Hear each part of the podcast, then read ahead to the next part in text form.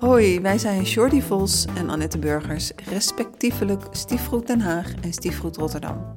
En we maken een serie van drie podcasts over de drie meest voorkomende dynamieken in de samengestelde gezinnen. Vandaag hebben we het over het uitsluiten van de stiefouder. Jordi, het uitsluiten van de stiefouder. Vertel, wat is dat? Ja, het uitsluiten van de stiefouder. nou, zo noemen we eigenlijk die dynamiek binnen het samengesteld gezin. En dat gaat erover dat de stiefouder zich eigenlijk niet zo goed aangehaakt voelt uh, bij, bij de partner.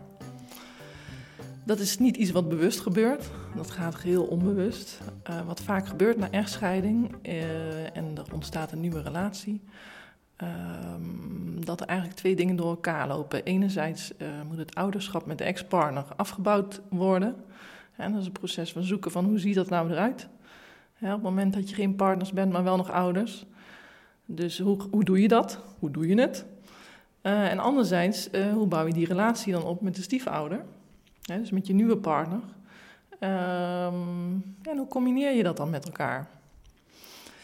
Um, de ouder die heeft natuurlijk ten opzichte van het kind of ten opzichte van de kinderen een bloedband uh, die de ex-partner, de eerste partner, ook heeft. En dat is een wezenlijk verschil met de rol van de, van de stiefouder, die er later bij is gekomen waar die bloedband er niet is. Dus, dus waar het eigenlijk ouder en ex-partner, eerste partner, heel normaal is, de betrokkenheid ten opzichte van het kind, uh, heeft de stiefouder een plekje te veroveren. Hmm. Ja, ik herken hem wel persoonlijk. Ja, je herkent hem? Ja, ik herken hem, want het was echt toen ik uh, mijn partner ontmoette. Toen um, was hij nog niet zo lang uh, weg bij zijn huis. En um, ik merkte dat, uh, dat wij wel afspraken konden maken. Voor een zaterdag bijvoorbeeld. En dan uh, belde zijn uh, dochter hem op of er was iets. Ze moesten naar school en er werd ja gezegd. En hup, daar ging ons programma. Ja. En dan dacht ik wel van help, ik voel me zo alleen. Ja, precies. Ik voel me zo alleen, hè? Ja. En dat is ook wat ik heel veel uh, in de praktijk tegenkom. Ik denk jij ook. Ja, zeker. Ja, want er is geen stiefouder die bij mij komt met... ik voel me zo buitengesloten. Dat is eigenlijk niet het woord wat gebruikt wordt. Maar wel, ik voel me zo alleen. Ik voel me zo eenzaam. Ja. Ja, uh, soms gebruiken ze bij mij toch ook wel buitengesloten. Ik ben... Uh, toevallig zei daar laatst ook nog iemand van... ja, ik ben echt de allerlaatste die alles hoort als er iets met uh, zijn kinderen is, het wordt allemaal gedeeld. Er is een groepsapp met uh, de andere ouder. En uh, ja, daar wordt alles in verteld. En wij hebben ook geen groepsapp. Dus ik hoor het echt als allerlaatste. En ja, dan mis ik ook gewoon daardoor een stuk erkenning. En ik voel me inderdaad echt alleen en dat we niet naast elkaar staan. Ja, ja dat is precies waar het over gaat, ja. wat je zegt. Ja, nou, dus uh, ja, helaas heb ik die dus uh, aan mijn leven ook uh, ervaren. Maar um, daar is wel een oplossing voor, toch? Ja, daar is een oplossing voor. Um, onderdeel ook daarvan, hè, dan nog even op aanvullend, is dat op het moment dat de stiefouder zich alleen voelt of gaat zoeken naar, ja, wat, wat is dan mijn plek? Hè? Op het moment dat ik niet meegenomen word of op het moment dat er wat je, een voorbeeld wat jij geeft, er worden dingen afgesproken, er is een groepsapp.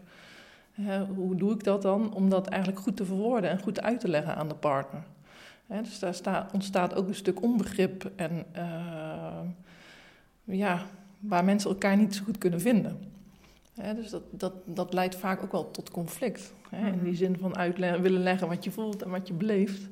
En dat de ouder eigenlijk zegt van ja, ik herken het niet en wat bedoel je nou eigenlijk? En dat is natuurlijk heel lastig om dat ook over te brengen als ouder zijnde, maar ook als stiefouder naar uh, je partner. En je zegt van ja, wat ga je dan doen? Um, wat we, ja, waar we aan werken vaak, is dat uh, zo'n ouder wel meegenomen wordt. Uh, op het moment dat er vanuit de eerste partner, de ex, een vraag wordt, wordt gesteld of uh, vanuit het kind, dat de ouder een beweging maakt richting de huidige partner, dus richting de stiefouder, en meeneemt in het besluit dat wordt genomen. dus eigenlijk als de vraag ontstaat, de vraag komt, stel je voor, de eerste partner, ex-partner vraagt, kunnen we van weekend wisselen? Ik noem maar even een voorbeeld. Dat de ouder eigenlijk zegt van oké, ik heb je vraag gehoord, je wil graag van weekend wisselen. Een klein momentje, ik overleg even en ik kom bij je terug. En vervolgens maakt de partner of de ouder, excuus, de ouder maakt dan een beweging om de stiefouder mee, omheen en ehm, legt de vraag ook aan hem of haar voor. Um, dat geeft erkenning en een stukje rust en het niet meer hoeven strijden om er eigenlijk bij te horen. Dat wil niet zeggen dat op dat moment uh, de mening van de stiefouder of de wens van de stiefouder uh, uitgevoerd dient te worden. Al zou je dat natuurlijk wel willen. Al zou je dat natuurlijk wel willen, ja. maar zo werkt het niet, hè. Het is natuurlijk wel prettig als zo nu en dan hè, meegenomen wordt uh, in het uiteindelijke besluit. Maar het besluit hoort wel echt bij de ouder. Hè, want die draagt daar de verantwoordelijkheid uh, in. En uh, wat dat stukje betreft moet die stiefouder dan ook uit de wind gehouden worden. dat hij het besluit niet neemt. Ja, ja en um, ik had ook laatst een koppel in de praktijk... en toen hebben we het gehad over de heilige ruimte. Mm -hmm. Wat, wat hoort bij jullie en exclusief bij jullie en wat zijn jullie afspraken? En zij hebben toen ook uh, ja, de afspraak gemaakt voor, uh, voor ja, wat bij ons heilige ruimte hoort. Want ze deden dat ook eerst niet. Mm-hmm. Is dat we inderdaad eerst met elkaar overleggen voordat we het een en ander afspreken met onze ex-partners. Ja. En uh, dat zijn ze toen gaan doen. En de keer later zeiden ze ook van ja, dat voelt echt fijner. Want nu staan we ook veel beter en letterlijk en figuurlijk veel meer naast elkaar. Zij vonden dat heel erg prettig. En zo gaat het eigenlijk meestal, toch? Ja, zo gaat het meestal, ja. ja. Je komt naast elkaar te staan en de besluiten worden in het huidige gezin genomen. Uh, en in ieder geval vooraf goed doorgesproken voordat het teruggaat naar of het kind of de ex-partner. Ja. ja. En het kan natuurlijk nog wel eens misgaan. Uh, onlangs hadden wij een familiedineetje. En uh, ja, waren er op de familie-app van, van mijn vriend waren er wat ideeën gedeeld voor, voor een bepaalde feestavond.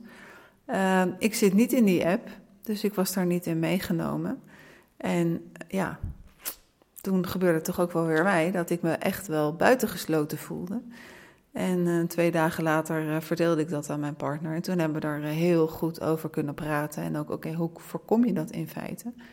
Want kinderen kunnen een stiefouder onbewust, onbedoeld, ook wel eens per ongeluk uitsluiten. Ze kunnen het ook wel eens expres doen. Ja, zeker. maar wat, op welke wijze neem je dan leiding en de leiding als de ouder? Ja, ja. Nee, helemaal correct.